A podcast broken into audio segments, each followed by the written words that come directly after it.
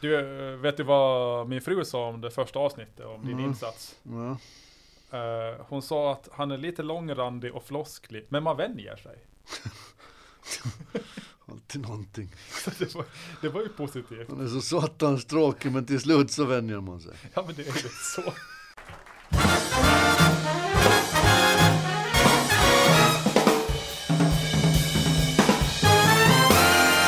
Okej, då säger vi välkomna till Ålands Handel avsnitt 2. Eh, jag heter Fredrik Rosenqvist och med mig har jag Jörgen Pettersson även denna vecka. Hur, hur är läget Jörgen?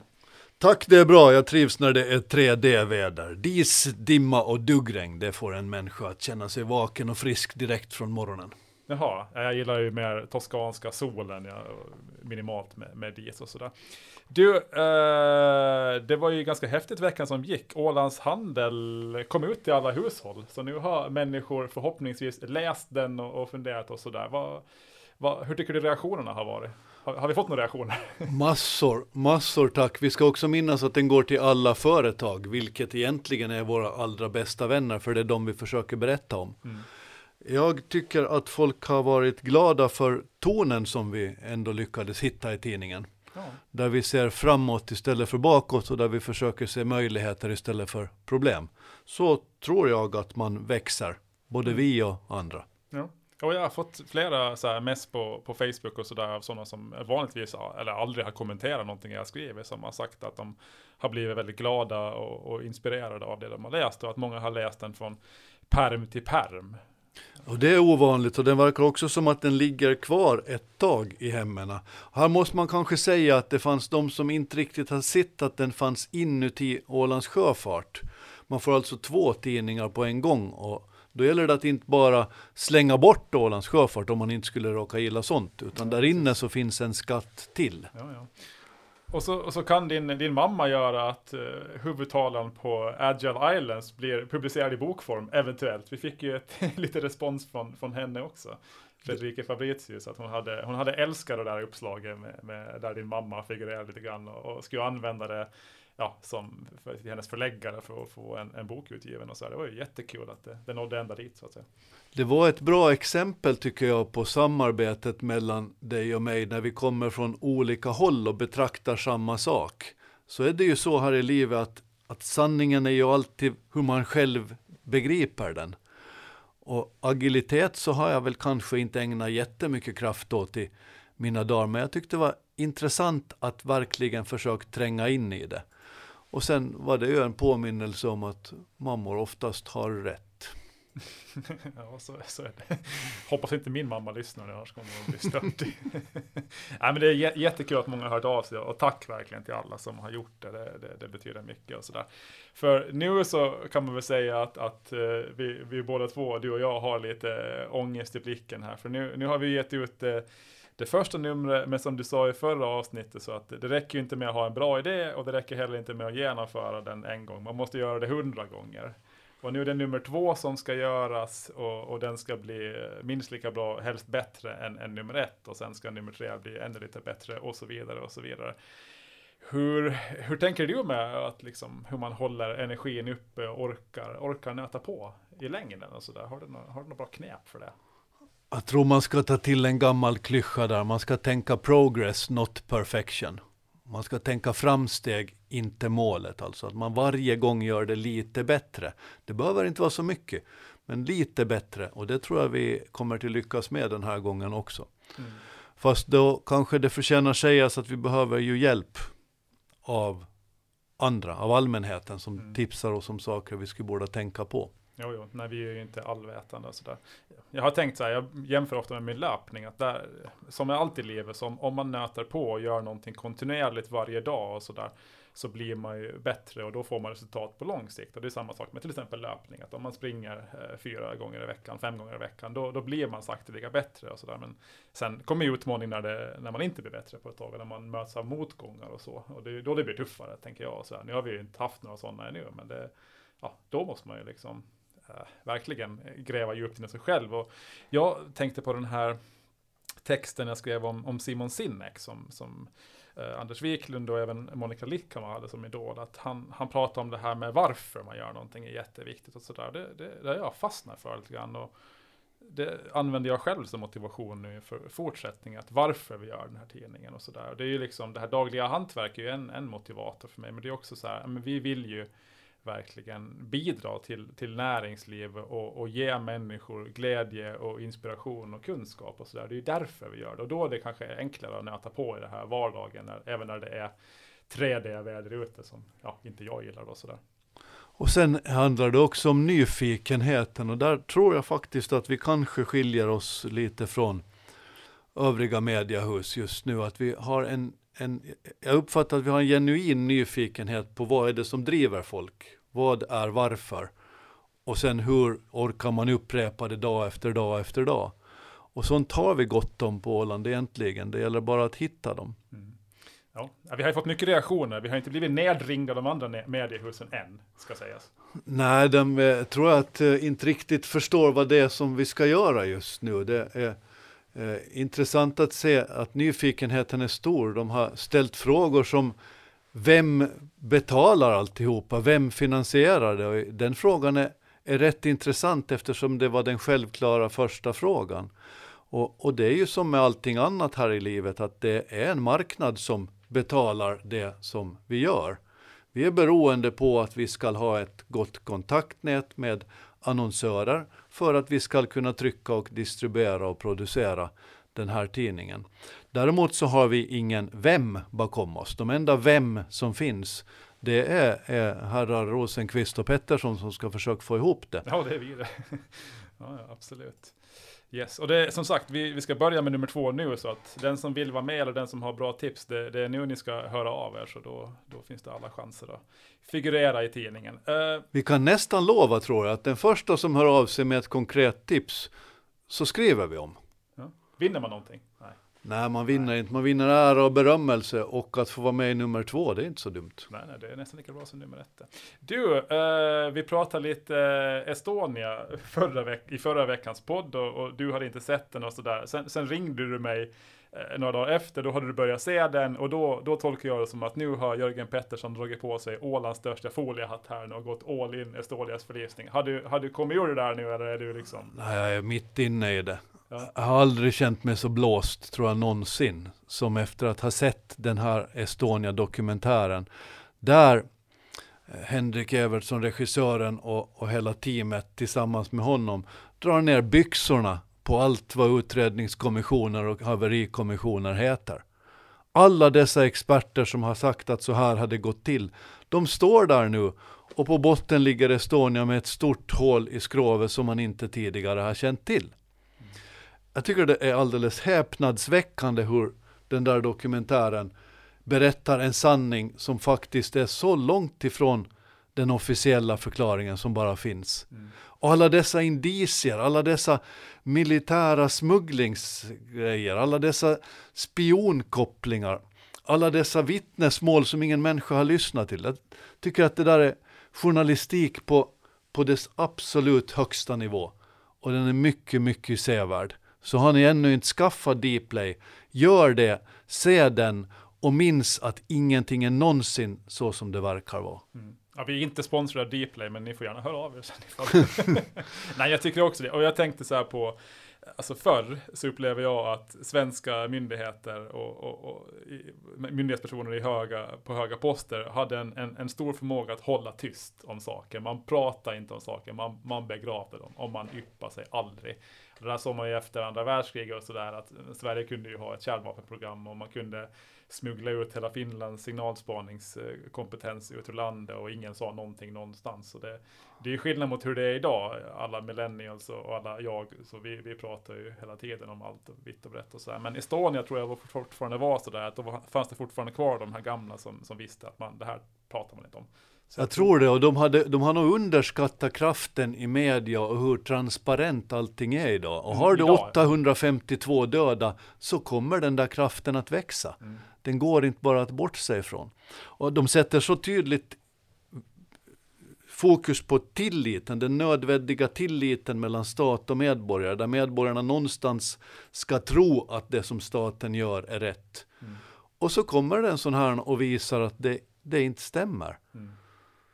Ja. Nej, den är, den är fascinerande som sagt. Kuslig upplevelse att se Mm. på den. På tal om kusliga upplevelser, hur, hur, hur går det? Har du köpt några aktier? Du, du lovar ju, du startade ett förvar sen sist och sådär och gå in. Inte tungt sa du, men lite grann. Har du gjort det eller är det, är det hemläxa till nästa gång också? Det är hemläxa ytterligare en vecka. Jag har börjat granska olika förvar och jag har börjat titta på marknaden allt noggrannare.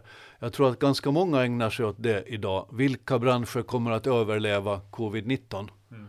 Hur kommer det att se ut?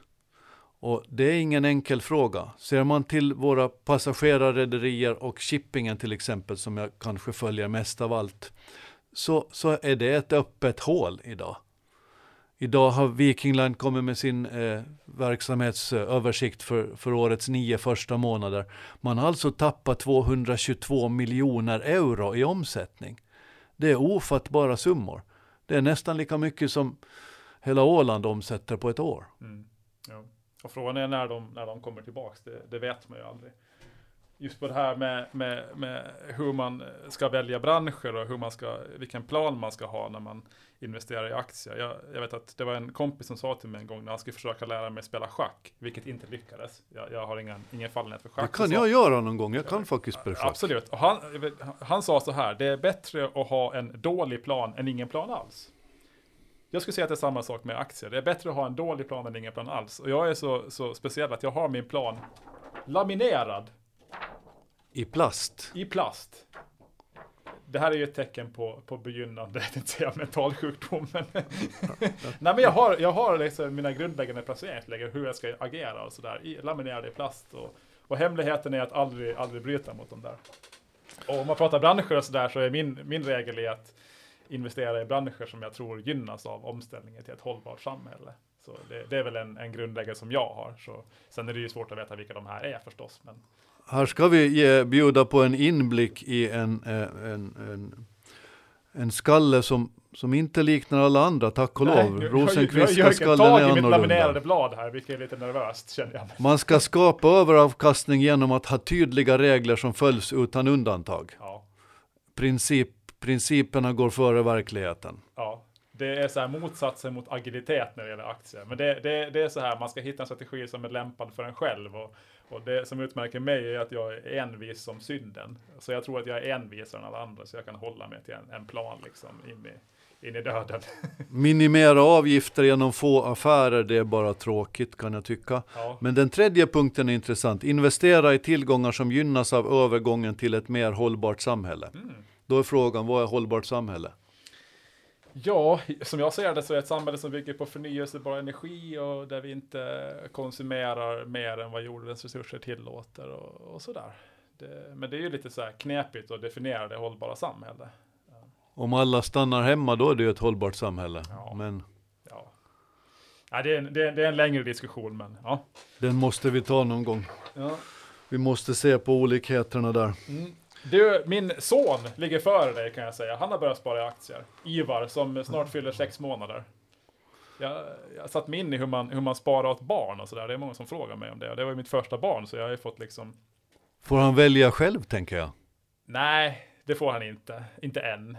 För jag minns ganska länge tillbaks i tiden när börserna rusade som allra värst. Då gjorde man tester mellan en schimpans som kastade pil på en börstabell och den samlade börsvetenskapen. Och nu minns jag inte för det kanske inte riktigt stämmer, men jag tror att schimpansen vann. Mm. Ja, ja. Jag, jag är ungefär lika bra som en schimpans på att välja aktier. Så jag, han, han har investerat i Disney i alla fall. Jag tänker att det kan vara kul. Då kan jag alltid skylla på i framtiden när han kollar på Disney-filmer att han bevakar sina placeringar bara. Så han måste ju få kolla hur mycket han vill, tänker jag. Nej, men jag tänkte så här, ett, ett bra tips som jag, som jag kan dela med mig av. Man, man vill ju så här, den första tanken när man sparar till barn är att, att aktierna ska stå i barnets namn eller ska finnas på ett konto som är knutet till barnet. Jag skulle vilja slå ett slag för att göra tvärtom, att det är bättre om om aktierna står i föräldrarnas namn. Man kan ha ett dedikerat konto som man, man säger att här sparar vi till vårt barn och man, man sparar det till exempel i aktier och sådär. Men sen när barnet fyller 18 så har man ändå valet att ska vi ge den här portföljen åt barnet eller inte. Och att man har också liksom valmöjligheten om det händer någonting eh, när barnet är fem eller sex eller sju år som gör att man, man måste helt enkelt ha de här pengarna. Det blir kris, man, man tappar jobb eller någonting så har man den möjligheten. För det viktigaste är ju liksom fam att familjen mår bra och sådär. Och sen tycker jag också det kan vara en, en bra idé att, att, att spara i, i aktier, direkta aktier. Och sen när, när barnen närmar sig eh, sin 18-årsdag så, så förklarar man att nu, nu liksom om du har intresse och, och en vilja att förvalta den här portföljen så, så, så får, får du de här aktierna. Att du liksom, ja, och då, det kan ju vara en, en, en sporre för dem att lära sig mer och, och, och, bli intresserade av det här, vilket jag tycker är bra. Jag tycker det är bra att man är intresserad av ekonomi. Att man inte liksom de får de här pengarna per automatik, sälja allting och åka jorden runt. Uh, och det kanske man, man kanske tycker att det är bra att de ska få göra vad man vill, men jag tycker att det, det finns jäkligt stora fördelar med att hålla de här pengarna själva och sen ja, men, föra över dem under vissa förutsättningar. Så där, så att, ja, men. Det ser vi fram emot hur det där kommer att utvecklas. Mm. Disney kan faktiskt finnas till dem som jag tror på lite. Jag tror på branschen informationsteknologi på ett sätt i och med att särskilt i dagens läge när vi inte längre kommer till kunna resa och uppleva så som vi har gjort hittills så tror jag att, möjlig, att, att vetgirigheten ändå finns kvar där. Mm. Och där borde det finnas möjligheter för alla dessa olika branscher som finns som ägnar sig åt informationsteknologi ja. på olika sätt. Och, och, du frågar så här, vad, vad är del av ett hållbart samhälle? Men bra berättelser eh, är ju definitivt en del av det framtida hållbara samhället. Storytelling, Storytelling. den kommer det, in. Om det är någonting Disney är bra på, då är det att, berätta berättelser på ett, på ett helt fantastiskt sätt. Så, men. Och där har man en exakt samma sak mellan den journalistik som vi hoppas att ska kunna erbjuda och det som skapade Estonia-berättelsen. Det är inget svårare än att man paketerar ihop information och serverar det på ett sätt som gör folk lite klokare. Mm. Och det är väl ungefär där Ålands handel är. Mm. Du, förra veckan så, så fick jag dig att se Estonia dokumentär. Nu ska jag få dig att se en annan dokumentär som kommer att skrämma livet ur dig och, och kasta din mobiltelefon i havet. The Social Dilemma, har du sett den? Jag, jag har sett först. den på Netflix, att den finns. Jag har ännu inte tagit den. Min son okay. har tittat på den och han var rätt förskräckt efteråt. Ja, avslutar han alla sina sociala mediekonton och sådär? Inte ännu tror jag, men han, åtminstone fick han en, en kraftig ögonöppnare vad det mm. egentligen är som pågår. Jag är ja. inte så säker på att jag vill gå den vägen. Nej, jag tror det... inte att jag vill veta. det är, ja, men det, för den, er som inte har sett den, den handlar om hur, hur liksom sociala medier används på ett väldigt strategiskt sätt för att vi ska interagera med sociala medier så mycket som möjligt och då, då, då skräddarsyr den de nyheter och aviseringar och notiser vi får och det är ofta väldigt negativa saker vi får för att man, man ja, som vi pratade om i förra gången, att man negativa nyheter drar till en, en uppmärksamhet helt enkelt. Och att ja, budskapet i den här dokumentären då att det här kommer att leda till ja, men, inbördeskrig för att vi, det skapar så stora stora liksom sprickor mellan olika människor och sådär. Så att ja, men jag kan rekommendera dig att se den, men det, allt hänger ju ihop på något sätt. Det finns en, en dokumentär, typ dokumentär som handlar om Fox News. The Loudest Voice heter den. Som också klär av makten på väldigt många sätt och som berättar om hur Fox News blev en maktfaktor i USA. Där man fortfarande tittar på tv väldigt mycket. Och hur det skapade Trump-eran egentligen. Mm. Och hur det skapade Boris Johnson-eran. Mm. Hur det absoluta toppskiktet i världen, bland världens ledare inte längre är empatiska och inkännande och ens särskilt välformulerade, mm. utan de är bara tölpar på många sätt. Mm. Och vi, vi har ju en, en närvaro på sociala medier. Vi, vi finns ju i första hand på Facebook. Eh, man blir ju funderad på det där, är det rätt liksom? Och ska man, ska man bidra till den här like-hetsen och så? Men jag blev funderad när jag såg den där dokumentären att för det första så, så, tycker jag det är bra man, att man själv ska välja när man vill gå in och, och, ta del av någonting. Det är ju som när du, liksom, en tidning. Du väljer själv när du öppnar tidningen och, och, läser den. Du gör det när du har tid och när du har lust. Du får inte liksom, eh, en tidning hoppar inte upp och piper och vill att du ska läsa den hela tiden. Och det tycker jag liksom man ska ta med sig till sociala medier också. Att jag till exempel har inte några aviseringar på och sådär. Jag, jag går in och, och tittar när jag vill. Eh, för att nu vill jag gå och titta vad som har hänt och sådär. Och nummer två, det här med att man eh, kommer bort från det här negativa. Att liksom en bild på en, på en, på en hund som, som mår bra, det skapar väl inte så mycket uppmärksamhet. Men en bild på en hund som har farit illa på något sätt, då blir det en himla diskussion och sådär. Och då tycker jag man kan kanske föregå med gott exempel, att vi försöker ju ha positiva nyheter i vår tidning och vi bidrar därmed att ge positivt innehåll på sociala medier. Och att man inte försöker vara påträngande och sådär. Så att ja, jag tycker ändå att vi kan vara på Facebook med gott samvete. Trots en, det där, men det är ju... En gammal sanning är ju att man aldrig någonsin ska skriva ner negativ kritik. Nej. För det, det, det, det för ingenstans, det leder ingenstans. Nej. Om man till exempel inte är nöjd med någonting så ska man undvika att skriva det. Det är bättre att säga det, Mm. för då kan man förklara det. Mm. Det finns alltid saker som man inte är nöjd med här i världen. Men om man ska sätta sig ner och skriva ner allt sånt så, så blir effekten väldigt stark Mm. och väldigt Ja.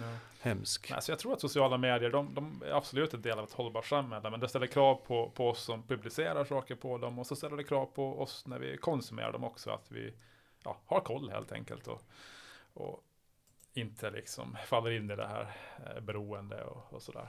Jag tycker att det finns en ganska tydlig skiljelinje. Jag, jag tror ju på det här att varje generation är lite bättre än den tidigare. Mm. Och i dagens läge tror jag att det är så att de som faktiskt ställer till det på till exempel sociala medier, det är ju människor 40 plus och uppåt det, Mm. som inte riktigt begriper vad man ska göra där, som sätter ut sina bilder på, på, på vad man äter på kvällarna eller om man har varit på en begravning eller vad man nu har gjort för någonting. Där man tycker att det här är så viktigt att resten av världen måste få veta det. Mm. Folk som är yngre, de gör inte så. Nej, nej. De använder det på ett helt annat sätt. Och där tror jag att det finns en mogenhet hos de yngre som de äldre saknar och, och faktiskt inte ens begriper. Mm. Sen hade de en, en väldigt bra liknelse som var ganska dräpande. De sa att det finns två branscher i världen som kallar sina kunder för users, eh, på engelska, användare på svenska. Då. Det är sociala medier, det är users och sen är det knarkhandlare. Kan man tänka på vilka likheter det finns där. Men Det är ju det, alltså det är ju torsk som torsk. mm, Alla, alla har vi någon gång varit, hamnat ner i, i att vara en klicktorsk. ja, För absolut. att se vad, vad folk egentligen gillar och det måste man ju bara undvika. Vi, vi borde nöja oss med att berätta en god historia. Och sen spelar det ingen roll ifall folk tycker om det eller inte. Mm. Eh, veckans hyllning är jag sugen på nu. Uh, den här grejen flashar förbi lite grann när jag, jag gick igång på den här. Nokia ska bygga 4G på månen. Är inte det jäkligt häftigt? Det är min veckans hyllning. Dels att det är gamla, gamla fina Nokia som man, man tänker att finns de eh, ens längre? Och sen kommer det en nyhet att de ska bli den, den, den första att bygga wifi i yttre rymden. Eller inte wifi men, men 4G. är inte det lite coolt ändå? Jag hör ju till de som tycker att månen inte längre är, är yttre rymden. Månen är, är det, det är väldigt mycket 1970 över det. Senast en människa stod på månen var 1972. Ja men det var inte ens jag född. Det har aldrig hänt under min livstid att vi har stått på en annan himlakropp. Exakt, jag- exakt. ja. Så, Så då är det yttre rymden. Men för oss som har varit med lite så är månen praktiskt taget vår, vår bakgård kan man säga. mm, Sammanlagt har 12 personer stått på månen. Så att bygga ett, ett mobilnät på månen, det, det känns ju inte som den världens största utmaning. Det blir ju inte direkt överhettat med en gång i alla fall. nej. Inte. Sen kan man ju tycka att de borde satsa på att bygga ut mobilnäten kanske här närmare lite bättre först. Det, det är surt sen när man har bättre täckning på månen än man har i, i norra Mariehamn där det är ganska få pluppar ibland kan man tycka. Men, Någon skrev någon gång att man ägnar alldeles för mycket tid åt att leta efter intelligent liv i rymden när man borde ägna sig åt att söka det här hemma. det är svårt att hitta det. Vem vill du, du, du hylla då? Den här? Jag har laddat hela veckan för att jag skulle hylla våra tappra fotbollsspelare i Åland United och IFK Mariehamn. Åland United håller på att vinna ligan. Det är faktiskt otroligt häftigt.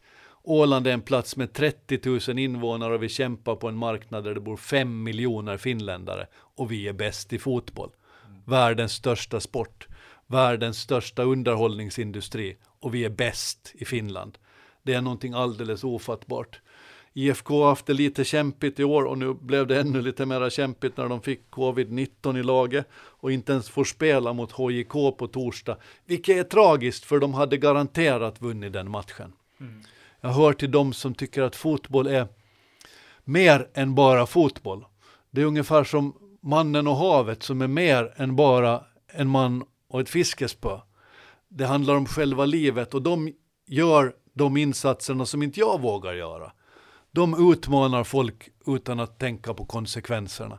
Det tycker jag att är coolt med fotboll och det hade jag tänkt hylla och det gör jag nog ändå. Mm. Ja men jätte, jättebra. Jag, jag är också sjukt imponerad av IFK Åland United. Jag, jag är ingen sån här hardcore supporter av någon av dem. Jag, jag är en hardcore supporter av Djurgårdens IF. Och i fjol fick jag vara med om när de tog SM-guld i, i Norrköping. Jag var på plats och det var en av få gånger jag har gråtit i mitt liv jag, jag grät inte när vår son föddes. Jag, jag har gråtit på ganska få begravningar. Några begravningar har jag gråtit på. Men när, när de säkrade guldet under dramatiska former, då, då, då grät jag. Det var, ja, och det är kanske svårt för någon som, som inte känner sån stor passion över sport att förstå det där. Men det är otroligt starka känslor och ett kamratskap och, och sådär. Och, ja, det är väl kanske det som har varit tuffast för mig nu under coronavåren, att inte kunna åka med mina vänner på, på fotbollsresor till, till Stockholm. Det, det, det saknas mig någonting enormt. Eh, så att, det där ska man ta på allvar. Känslor ska alltid finnas med i livet. Och fotboll tar fram känslor på ett sätt som, som väldigt få andra företeelser lyckas med. Och människor som går omkring i livet helt utan känslor, de kommer till ha väldigt tråkigt och dessutom så blir de väldigt tråkiga. Mm. Jag tycker om att man ska gråta lite nu och då. Jag tror att det är viktigt att göra det. Ja, det, det var skönt. Det var skönt när det hände. Speciellt att det, i och med att det var glädjetårar också. Och sådär. Bra. Uh, nej, men det var väl allt för den här gången. Nu gäller det för oss att ta tag i nummer två då, så att vi får väl tacka er som har lyssnat och följ oss gärna på Facebook. Det är ett bra ställe att komma med feedback och förslag på vad man vill läsa i nästa tidning. Eller ring eller skriv eller gör precis vad som helst och kom ihåg att ni ska göra som vi försöker göra. Det är progress not perfection. Vi ska bli lite bättre varje dag och så får det räcka med det. Yes, då kämpar vi på med lite bättre till nästa vecka. Ha det bra Jörgen. Tack för idag. Hej. Hej.